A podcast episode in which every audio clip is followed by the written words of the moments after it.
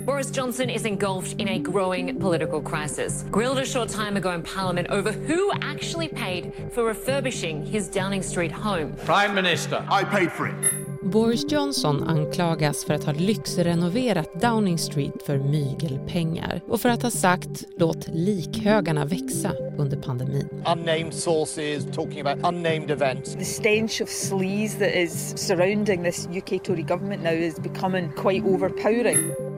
På en kvart berättar vi om hur den brittiske premiärministern pressas från flera håll under en känslig tid. Lokalvalen imorgon kan öppna för Skottlands frigörelse.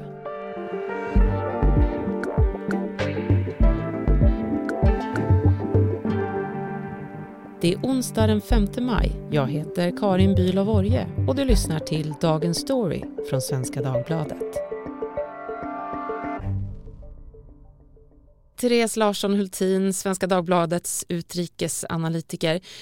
Hur tror du att Boris Johnson mår just nu? ja du, det kan man verkligen undra. Vilken normal människa som helst hade ju haft ont i magen för allt som han går igenom. Skandalerna hopar sig verkligen och problemen. Det är ju dels då den här lägenhetsrenoveringen av Downing Street 11, alltså ovanför finansministeriet där han bor. Det är Dominic Cummings, hans före detta rådgivare, som har helt vänt sig mot premiärministern och, och Skottland rustar för en ny självständighetsomröstning. Du har lokalval där det är väldigt viktigt hur det går. Och så är det Nordirland där DUP, då det protestantiska partiets eh, partiledare, ska avgå och där mm. det knakar också. Så det är mycket, mycket, mycket nu. Ja, och vi ska prata om var och ett av alla hans bekymmer. Först lokalvalen imorgon. Vad står på spel där för Johnson och hans parti Tories? Jo, men det är rätt mycket. Om vi börjar med Skottland så är det ju då om SNP, alltså nationalistpartiet, får egen majoritet eller ihop med de andra partierna som är för ett oberoende Skottland, eh, så ser de det som att de har fått mandat för att genomföra en ny folkomröstning om självständighet. Det här säger London och Boris Johnson att nej, nej, nej, nej, ni har redan röstat och det får ni göra en gång per generation. Ni kommer inte få lov att rösta igen. Då säger Skottlands första minister Nicola Sturgeon att jo då, det får vi visst och det kommer vi att göra. Boris Johnson skulle då möjligen kunna bli den premiärminister som ser unionen brytas upp. Det är en huvudvärk. Mm. Eh, sen så har vi då lokalvalen i norra England där det är väldigt viktigt hur det går för Tories. Boris Johnson var ju den som vann där 2019 och det var ju liksom en jätteskräll att de konservativa tog det djupt röda norra England. Kan han behålla det? Och så är det ett fyllnadsval i Hartlepool där det skilde med 4 000 röster sista valet. Hur går det där? Just nu ser det ut som att Tories leder, men vi vet inte. Det är väldigt spännande alltså. Men medierapporteringen i Storbritannien de senaste veckorna har inte dominerats av lokalvalen trots att de är så viktiga. The prime minister is under siege from all angles. Allegations about lobbying, what he might have said about lockdowns and most problematically now who paid for his number 11 flat to be done up. Rubrikerna har snarare handlat om gardiner och guldtapeter. Med andra ord den lyxrenovering som premiärministern och hans sambo alltså låtit göra i tjänstebostaden på Downing Street och som Boris Johnson ska ha låtit rika Tory-supportrar betala för.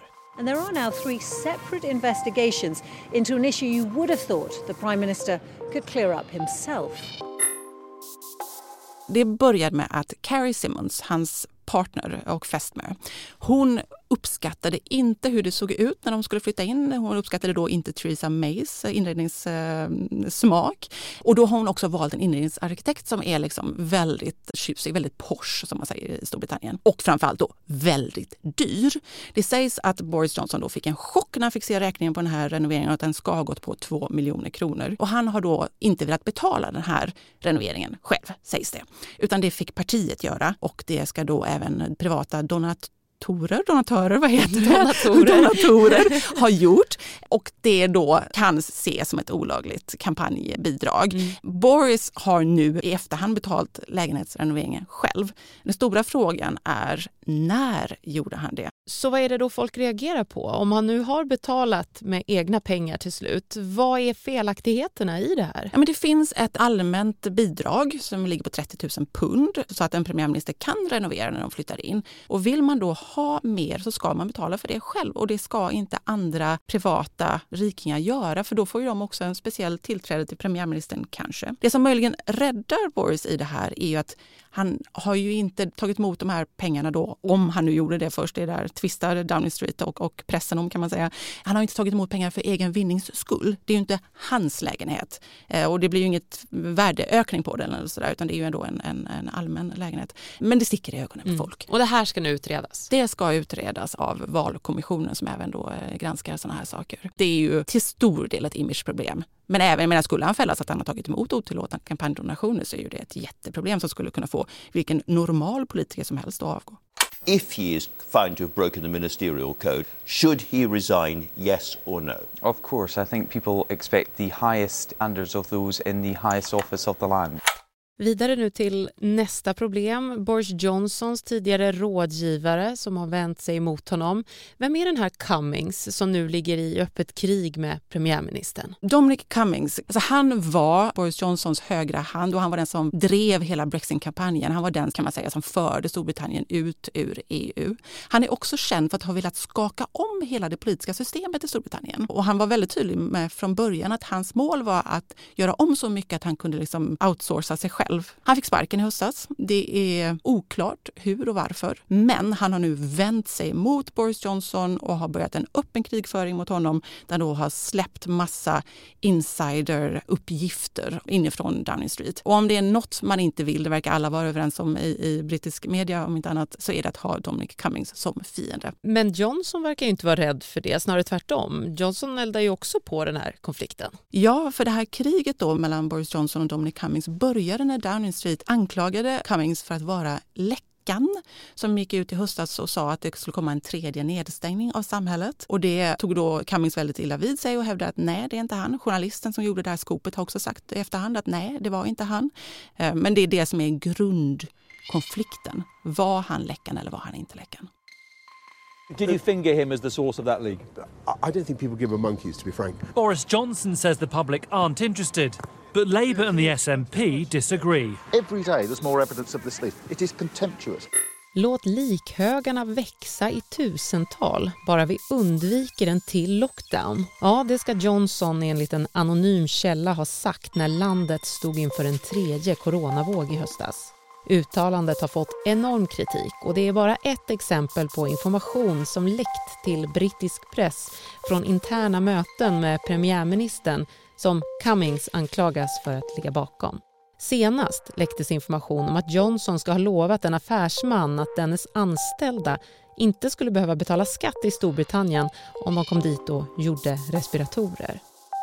Men den största dramatiken väntas den 26 maj då Dominic Cummings ska höras i parlamentet om regeringens hantering av coronakrisen. Men med tanke på att eh, Johnson och Cummings stod så extremt nära varann, kan Cummings skada honom på allvar politiskt? Ja, det tror jag ju absolut. Johnson är känd för att skicka mycket sms. Han är känd för liksom att, att vända och vrida på argument och sånt kanske inte ser så bra ut i efterhand. Och tydligen så ska då Cummings ha sparat sms, han ska ha sparat mejl och det sägs även då att han eventuellt har bandat konversationer med premiärministern, vilket är väldigt märkvärdigt om en, en rådgivare i hemlighet bandar konversationer med sin premiärminister. Men, men kommer det mera av, av den typen då, att, att jag låter hellre liken ligga på gatorna än att stänga ner samhället en tredje gång, så är det klart att det kan skada honom. Men, men, men, men. Eh, man ska veta att Boris Johnson är fortfarande väldigt omtyckt bland väldigt många britter. Alltså han kommer undan med väldigt mycket för att man tänker att ja, men det är Boris, han är sån. Han har ju varit en offentlig person väldigt länge i Storbritannien och man känner till många av hans karaktärsfel och brister och man har röstat på honom ändå. Men trots hans grundpopularitet, om man beskriver det så, är det här hans största förtroendekris hittills? Det har väl aldrig varit så många saker samtidigt som det är nu. Men han har ju varit med om väldigt mycket i sin karriär. Han har ju fått sparken från flera jobb för att han har ljugit. Till exempel fick han sparken från The Times. När han blev chefredaktör för The Spectator så lovade han att han inte skulle fortsätta med politisk karriär samtidigt. Det tog inte lång tid innan han ställde upp till eh, parlamentsvalet och fortsatte vara chefredaktör på The Spectator. Han har fått ett utomäktenskapligt barn, eller möjligen flera. Det går rykten om, om, om sånt där. Men åtminstone ett som vi vet om. Som också har varit så här sak som har skadat hans förtroende. Det finns många saker som har hänt under hans karriär. Även när han var utrikesminister så ansågs han ju inte ha gjort himla bra ifrån sig. Men han klarar sig ändå vidare. Alltså han är ju en valvinnare. Folk tycker fortfarande om honom. Alltså Downing Street som nu då gärna pratar upp Boris positiva sidor säger att när han är ute och kampanjar så får de ju hålla horderna ifrån honom. För att han har ju sån stjärnkvalitet. För Men att då använda ett varför uttryck. är han så populär? Men han, han har utstrålning, han anses vara charmig, han är en av oss, tycker väl många. Sen så är det väldigt många som inte gillar honom också, det ska vi ju inte sticka under stol med. Men eh, han har något, som det brukar heta. En av oss, hur menar du då? För han uppfattas ju som en aristokrat, men han är ändå inte det. Nej, han är inte aristokrat. Han, han har gått på Eton och han har gått på Oxford, alla de här fina skolorna. Men han kommer inte från pengar. Han fick stipendium för att gå där. Så han har ju liksom inte en aristokratbakgrund.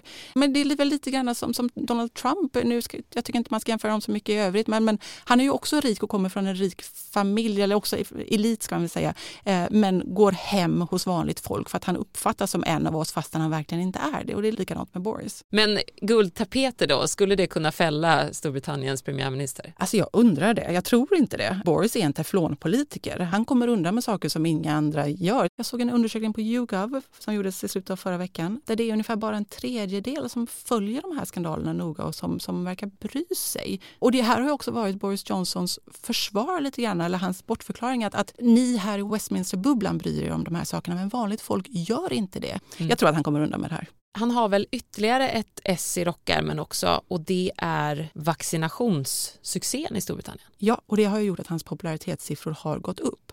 Man kan se liksom det här senaste året hur kurvan, alltså Johnsons popularitetskurva har fluktuerat ganska mycket. Han var jättepopulär när han hade covid förra våren eh, och sen så gick det ner under nedstängningarna och så vidare. Och så kan man se tydligt hur popularitetskurvan har gått upp igen nu när då, det har varit en otrolig framgång med de här vaccinationerna i, i Storbritannien. Jag såg rapportering tidigare här i veckan där experter deklarerade Storbritannien som ute ur själva pandemin. Att så många av befolkningen har nu vaccinerats, över hälften av 66 miljoner. Mm. Det måste vara en enorm framgång för honom. Ja, och det är stora delar av landet som, som inte har några sjukhus eller så här just nu. Så det ses verkligen som en jätte, jätteframgång. An unmarked van at Croydon University Hospital in South London with a delivery that could start to change the course of the pandemic. Inside these boxes, the first vaccines for covid-19. 3,5 miljoner svenskar har hittills fått åtminstone en första spruta vaccin. Det kan jämföras med motsvarande siffra i Storbritannien som alltså är 34 miljoner. The medical director of NHS England says the mass vaccination programme for COVID-19 marks the beginning of the end of the pandemic. Den här framgången hoppas nu de konservativa ska lägga sordin på kritiken mot Boris Johnsons frispråkiga uttalanden och lyxrenovering. Storbritannien håller som sagt lokalval imorgon och samhället håller på att öppna upp inför en ny verklighet utanför EU och med pandemin i backspegeln. Men Therese, du följer utvecklingen i Storbritannien på nära håll. Av alla de saker som vi nämnt här i programmet idag. Vad är den stora grejen att hålla extra koll på nu framöver? Jag tycker absolut att det är Skottland. För skulle det bli en folkomröstning där, där de faktiskt lämnar så bryts ju landet upp.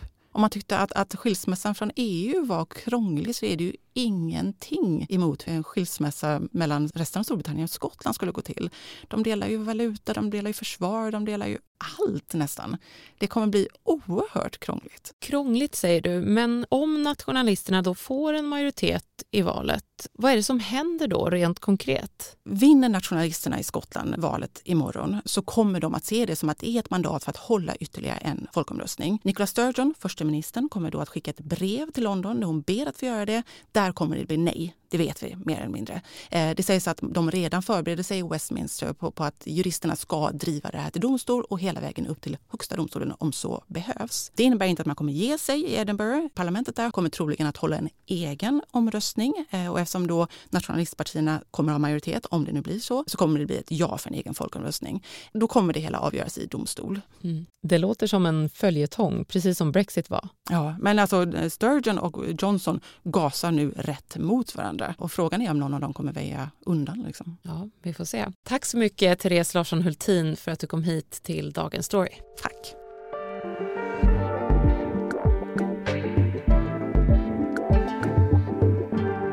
Dagens avsnitt gjordes av Siri Hill, producent, redaktör Maria Gelmini och jag heter Karin Bylov Orje.